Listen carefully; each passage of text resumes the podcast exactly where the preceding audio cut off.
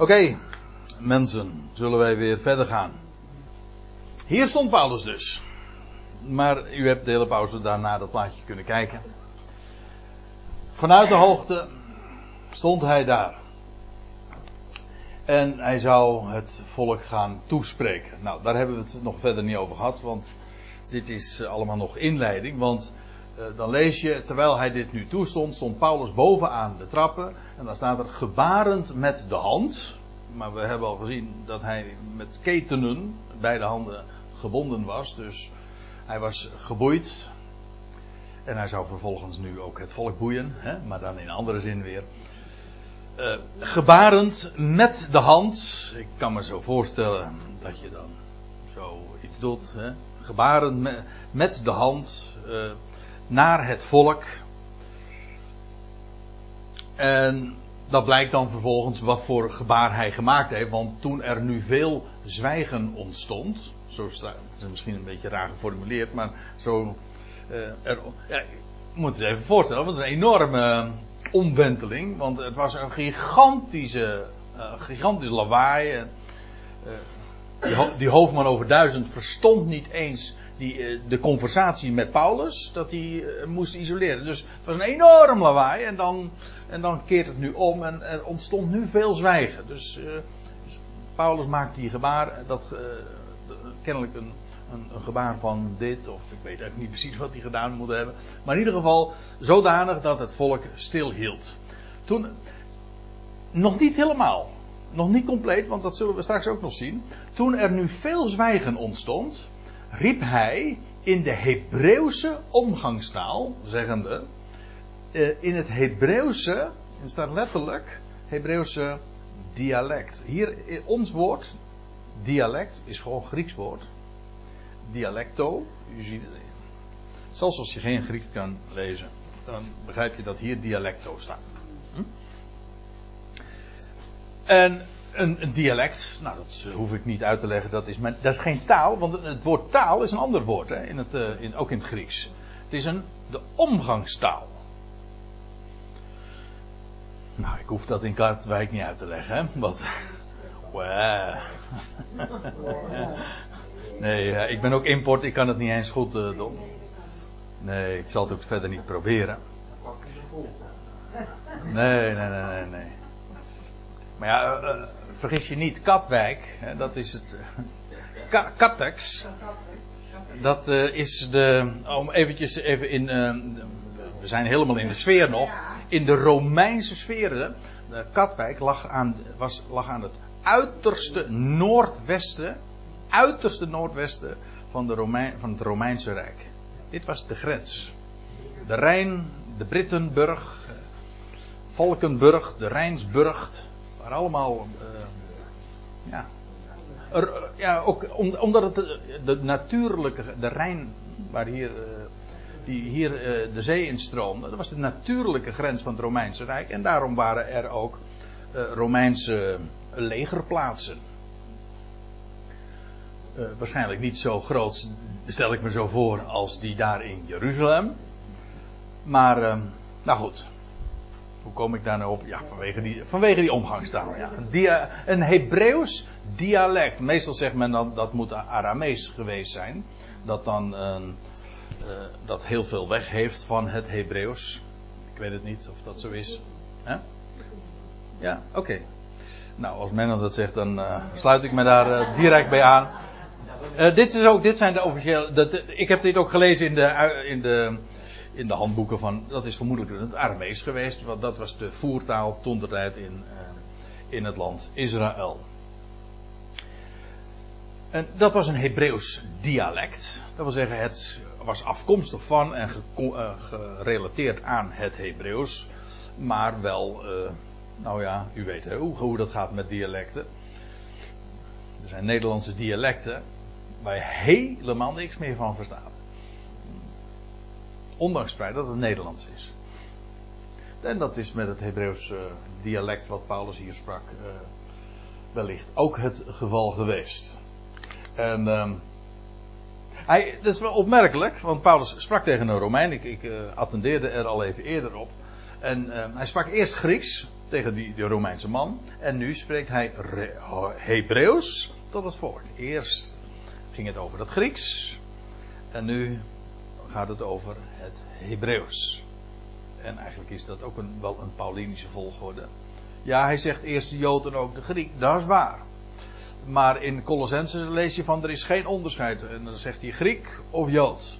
Feitelijk eh, eh, bij Paulus, dat was eigenlijk ook het verwijt aan zijn adres. Dat is dat de natie een voorrang kregen. Hij was ook een afgevaardigde van, van de natie.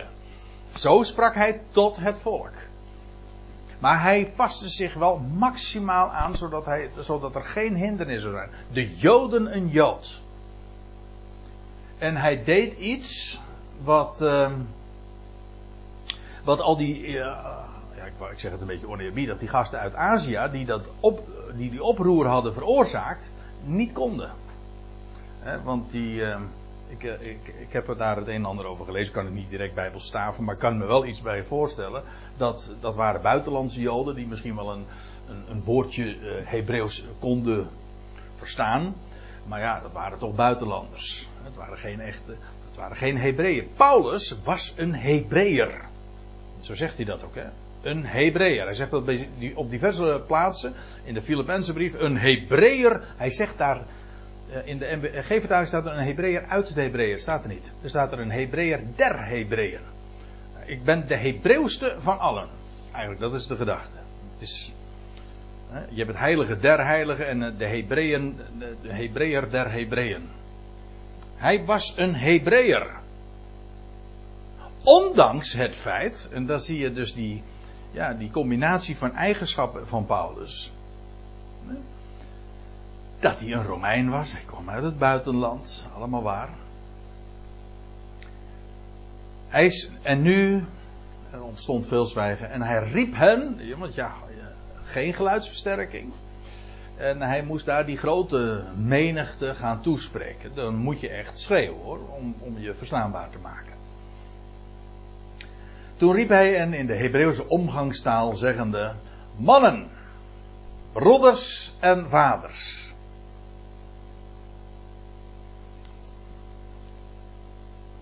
Ja, zo staat het ook in de MBG-vertaling. En daarmee vereenzelvigt hij zich uh, met het volk. Door hen zo toe te spreken. Zo broederlijk. Zo familiair, letterlijk. Hij, en daarmee alleen al door, door hen zo aan te spreken. Niet alleen doordat hij Hebreeuws spreekt. Maar ook door hen zo aan te spreken als broeders, als vaders. De, de senioren stel ik me zo voor, de ouderen uh, ontkracht hij ook het verwijt dat even eerder in vers 28 lees je dat dit is de mens die al allen overal tegen het volk en deze plaats en de wet leert. Nee, helemaal niet. Hij is een Hebreeër. Hij spreekt Hebreeuws en hij spreekt met de hoogste achting nu tot dat volk wat daar samengedroomd is. hij spreekt hen aan als broeders, vaders. Hij, hij zegt ook in de in de Romeinenbrief spreekt hij over mijn, de broeders, mijn verwanten naar het vlees. Hij had een voortdurend hartzeer voor hen. Maar een, een kloppend hart voor zijn volk. Hij was, hij was één van hen. Hij zegt: Hoort nu mijn verdediging naar jullie toe. Dat is wel een interessant woord wat hier gebruikt wordt. We zullen hem uh, nog wel eens vaker uh, tegenkomen de komende hoofdstukken. Want uh, er volgen nogal wat ja, diverse keren dat Paulus nog het woord gaat voeren. Uitgebreide toespraken. En dan, die hebben ook meerdere keren het karakter van een verdediging. En hier wordt in het Grieks het woordje apologia gebruikt. En dat kennen wij, tenminste, nou ja, ik weet niet in hoeverre u daarvan op de hoogte bent. Het is, een, het is ook een vak op de theologische hogescholen als je een theologische opleiding volgt, apologetiek. En dat betekent, nu heeft het de betekenis gekregen, het verdedigen van het geloof. Maar het betekent dus eigenlijk gewoon letterlijk het zich verdedigen. Paulus ging er trouwens niet zozeer om zichzelf te verdedigen. Maar inderdaad, om het te verdedigen, dat waar hij voor stond. Met argumenten. Want dat is ook trouwens het idee van apologetiek. Maar niet alleen dat je preekt of dat je mensen bemoedigt. Nee, dat je mensen ook dat je weet waar je het over hebt.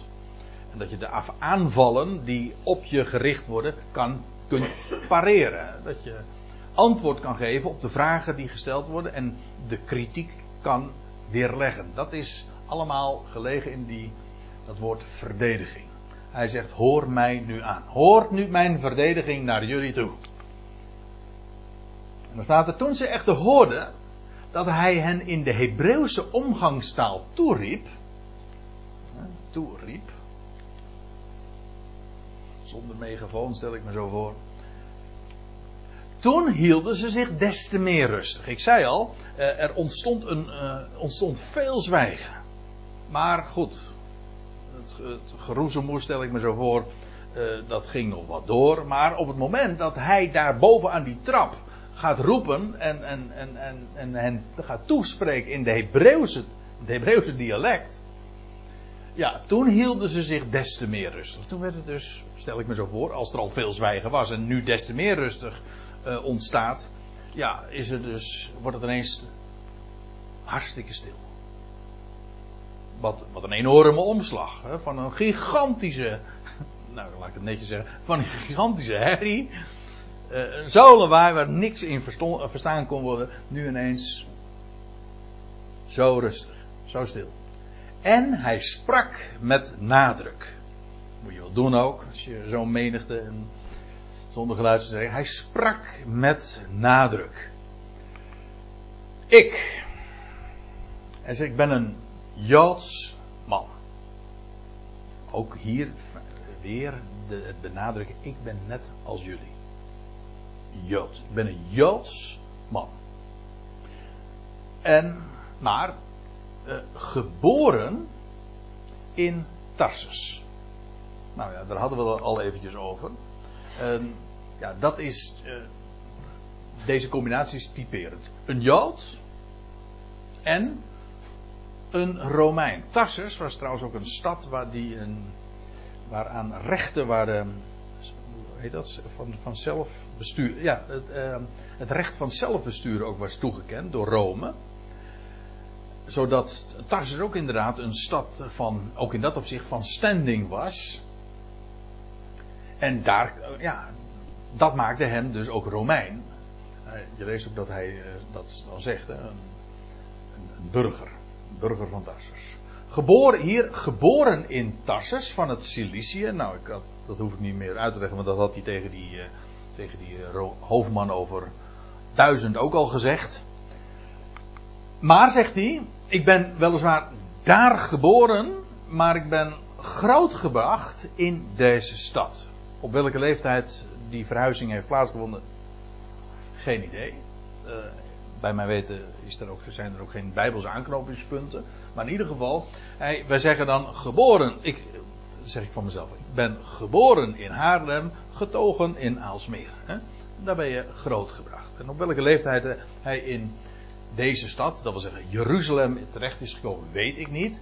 We weten wel, en dat, uh, dat komen we later nog wel tegen, dat Paulus' zuster uh, kennelijk uh, ook in Jeruzalem woonde. Dus kennelijk is de familie ooit al in Paulus' hele jonge jaren al verhuisd naar Jeruzalem. Zodat Paulus ook daarom uh, gemakkelijk de Romeinse, pardon, de, de Hebreeuwse taal kon spreken. Hij was gewoon een van hen.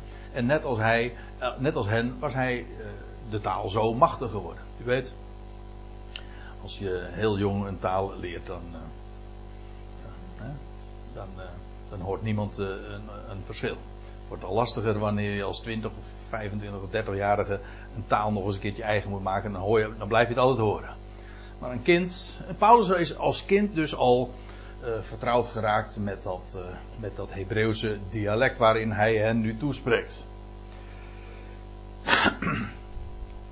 Over die, hoe dat zit, wat er aan de hand was met die zuster en dat neefje. Zuster had ook nog een kind, een jongen. En nou ja, die komt dan een, eh, een moordaanslag, zeg maar, eh, de, raakt hij van op de hoogte en dan oom Paulus benadert hij daardoor.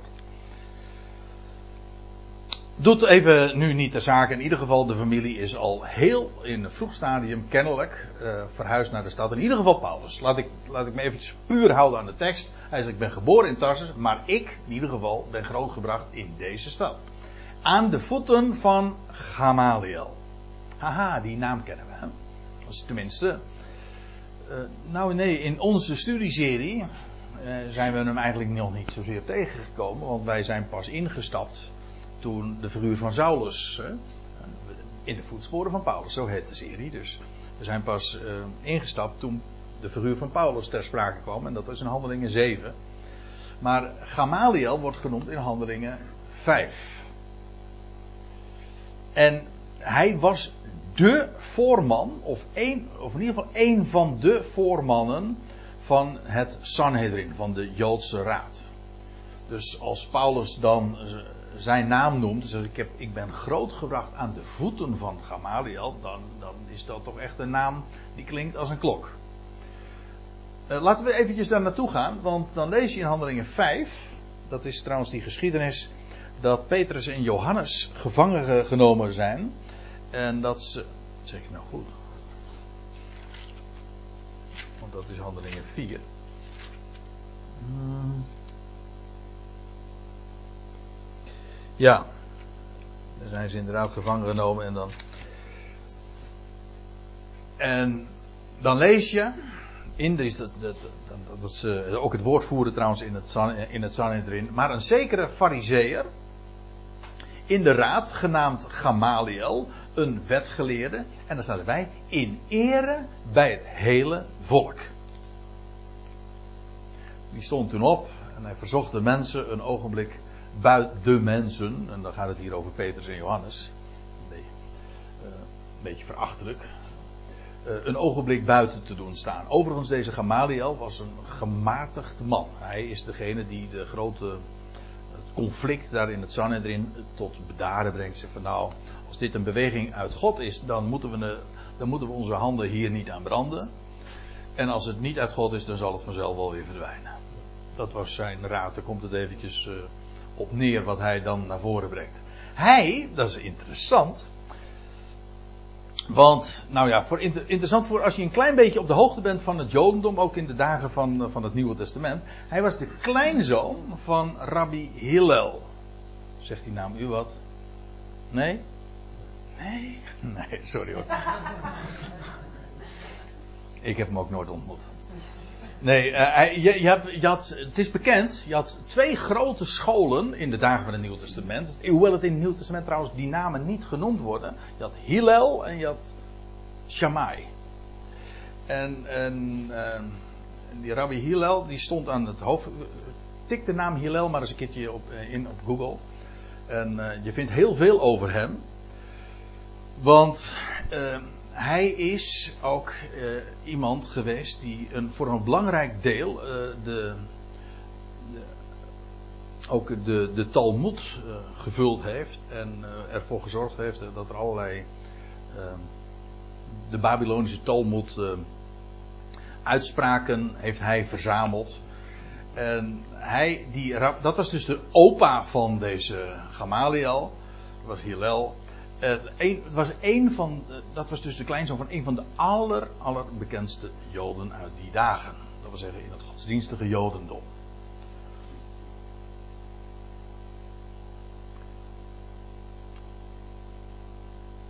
En die trouwens ook de reputatie had uh, van een gematigd man te zijn.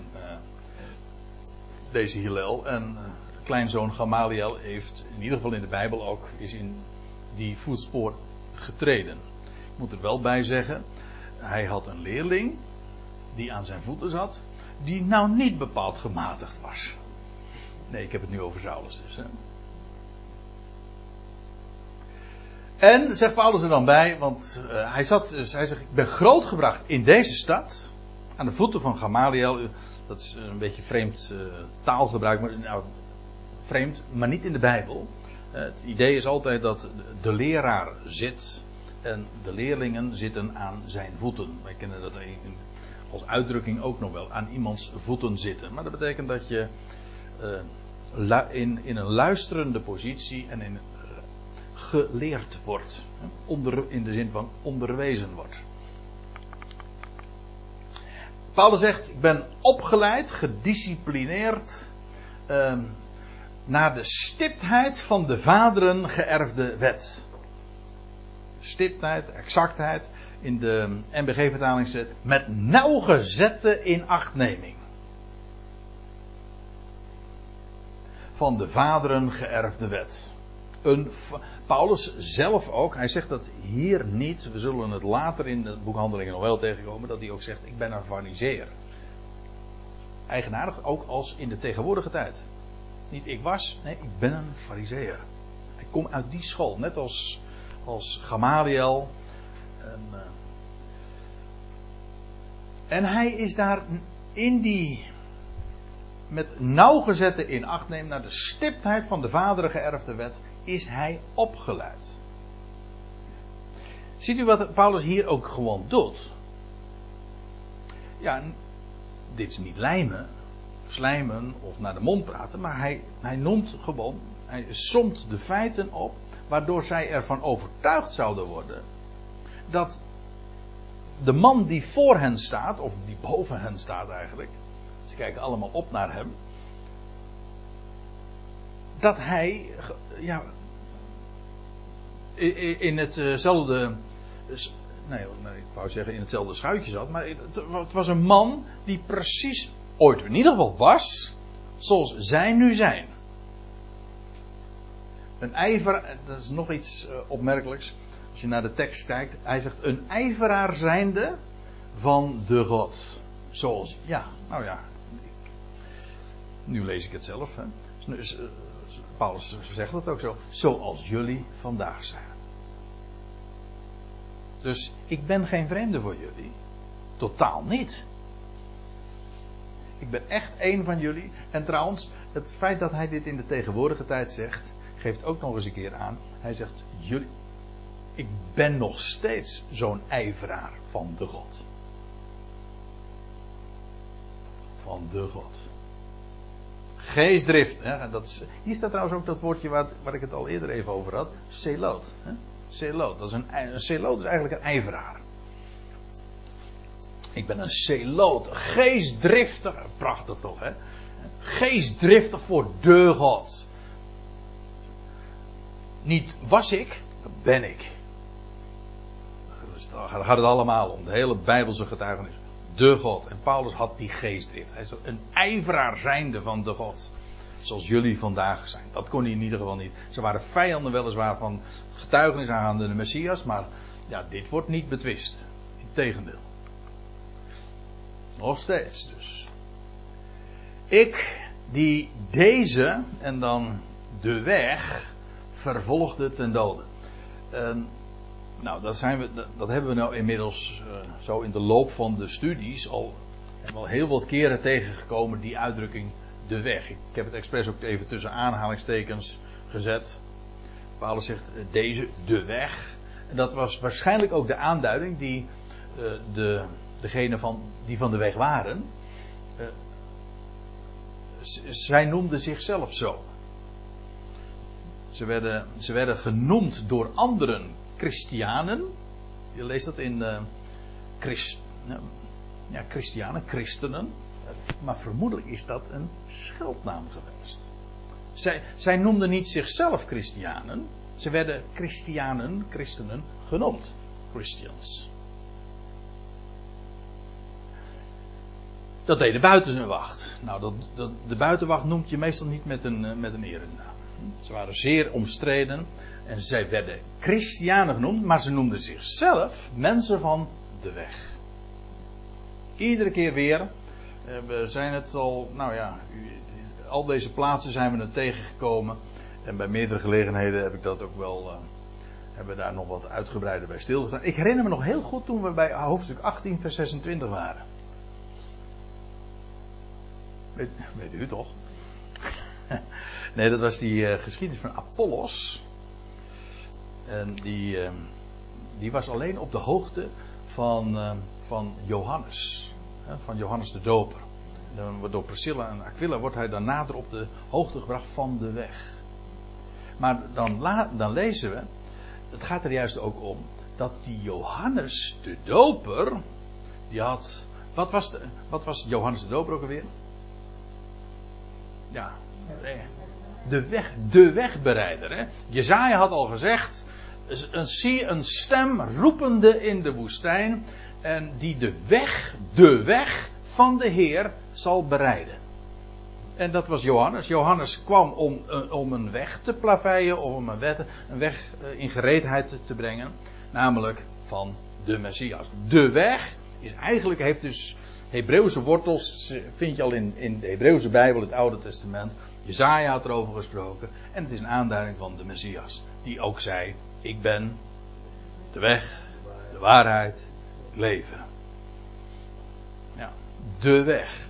En zo noemde, en zo de gelovige zich. Hij zegt, en deze de weg, hij zegt, Paulus zegt het tegen al die mensen daar. Hij zegt, die vervolgde ik ten dode.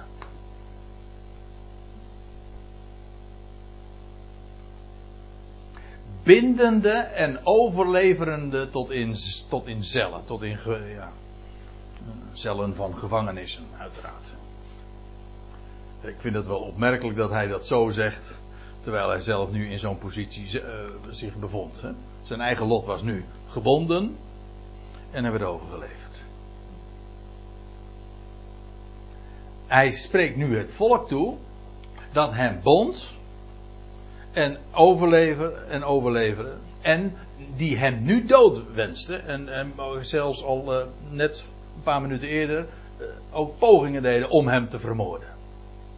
Maar Paulus zegt: Wat jullie nu doen, dat was ik zelf. En, en niet zomaar eentje, een kampioen. Er was niemand die zozeer de weg vervolgde als als, als Saulus ooit in zijn jonge jaren. Bindende, dus boeiend en, en overleverende en tot in cellen. En ongeacht of dat nou mannen of vrouwen waren dus. En dan zegt hij erbij, want ja, Paulus moest, je begrijpt hè, hij staat in Jeruzalem. Er staat een enorm massa. Je mag, je mag aannemen dat daar toch ook prominenten onder het Joodse volk uh, gestaan hebben. Paulus kon alleen maar dingen zeggen. Uh, ja, als dat inderdaad ook klopte. En nu zegt hij ook van ja, dat wat ik nu over mezelf zeg, dat kan de hoge priester, de man bij uitstek in het Jodendom, zelf getuigen. Dus Paulus was bekend bij de hoge priester. Zoals ook de hoge priester getuigenis van mij geeft. Getuigenisgevende is. Hè? Staat in de tegenwoordige tijd. Moet zich even realiseren. We praten nu over, ik zei al eerder, dit was in het jaar 57 ongeveer van onze jaartelling. Dat Paulus zo uh, een vervolger was, dat was 20 jaar eerder al. Hè? Inmiddels was Paulus al 20 jaar van de weg. Ja, op de, nee, op de weg. Niet van de weg. nou ja. Uh, hoe verwarrend kan het zijn? Maar hij, ja, al, al 20 jaar. Maar het was ooit halverwege de dertiger jaren dat hij, dat hij toen een paar jaar lang uh, zo een vervolger was, ten dode toe. En toen had je daar de hoge priester, u kent de naam Caiaphas. En uh, het loutere feit dat Paulus zegt van, oh, zoals ook de hoge priester getuigenis van mij geeft, is gevende, nu dus, nog steeds, die, die Caiaphas leefde kennelijk nog steeds, en die kon dat zo bevestigen. Of nee, hij bevestigde dat, en ze konden dat zo bij die man navragen. En trouwens, hij zegt erbij, en heel de raad van ouderen, dat is dus gewoon het Sanhedrin, bij wie ik ook brieven ontving voor de, voor de broeders. Dat wil zeggen, hij kreeg officieel, was zwart op wit, het was niet alleen maar een mondelinge toezegging. Nee, hij kreeg brieven met handtekeningen, gewoon gedocumenteerd, waarmee hij echt de boer op kon. Dat waren dus gewoon echt arrestatiebevelen of uh, aanbevelingsbrieven van de hoogste instantie die je maar kan denken binnen het Jodendom, van het Sanhedrin, van ondertekend door de hoge priester. Het is heel boeiend trouwens, ja letterlijk, boeiend, uh, dat, als, ik heb er even geen dia van, maar er staat in Handelingen 9,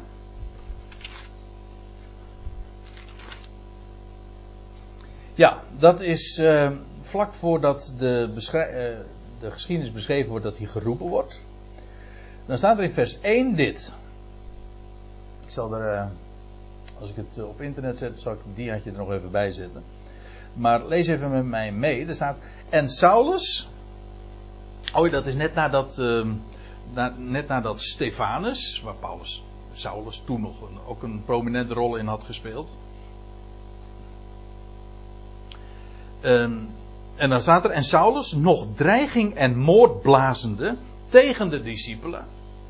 Hij dreigde niet, nee, maar hij was uit op hun dood. Nog dreiging en moord blazende tegen de discipelen van de Heer. Ging, let op hoe, het geformuleerd wordt, hè. Ging naar de hoge priester en vroeg van hem brieven naar Damascus voor de synagoge om, als hij mannen en vrouwen die van de weg waren, die weg waren, zou vinden hen gevankelijk naar Jeruzalem te brengen. Want dat, dat kon je nou niet zomaar, hè. Moet zich voorstellen. Ja, hoe dat precies juridisch in elkaar stak, weet ik niet. Maar in ieder geval, Paulus ging dus uh, met brieven naar, uh, naar Damascus toe. Om daar mensen van de weg. Misschien waren ze trouwens, dat kan ook nog het geval zijn, dat er mensen zijn geweest die gevlucht zijn uit Jeruzalem. Dat, ook dat kan, heel goed. Ik ga dat nu verder niet uitleggen, maar het doet ook niet de zaken.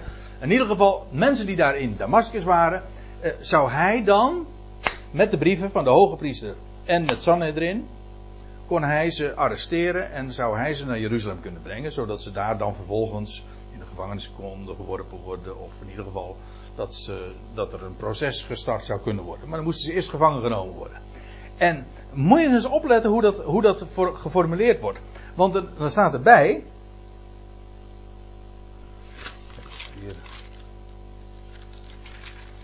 Er staat. Nog dreiging en moordblazende tegen de discipelen van de Heer. Ging hij naar de hoge priester. En vroeg van hem. Saulus vroeg dus van de hoge priester. Brieven. Voor de Damascus, voor de synagoge. Om als hij mannen en vrouwen die van de weg waren zou vinden. hen gevankelijk naar Jeruzalem te brengen. Bij wie richt het initiatief? Bij Saulus was, het was niet de hoge priester, het, waren, het was niet het Sanhedrin die hem erop uitstuurde om naar Damascus toe te gaan. Nee, het was Saulus die het initiatief nam en hij was het die de vervolging leidde.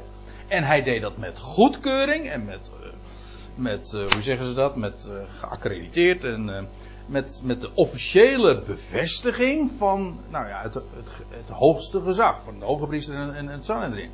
Maar het initiatief lag bij Saulus. Hij vroeg van de hoge priester brieven. Dus hij is, hoog, hij is hoogstpersoonlijk naar de hoge priester gegaan en zei van dat wil ik gaan doen. Zie je ook dat, eh, hoe, hoe, hoe bijzonder het is, die figuur van Saulus in dat verband.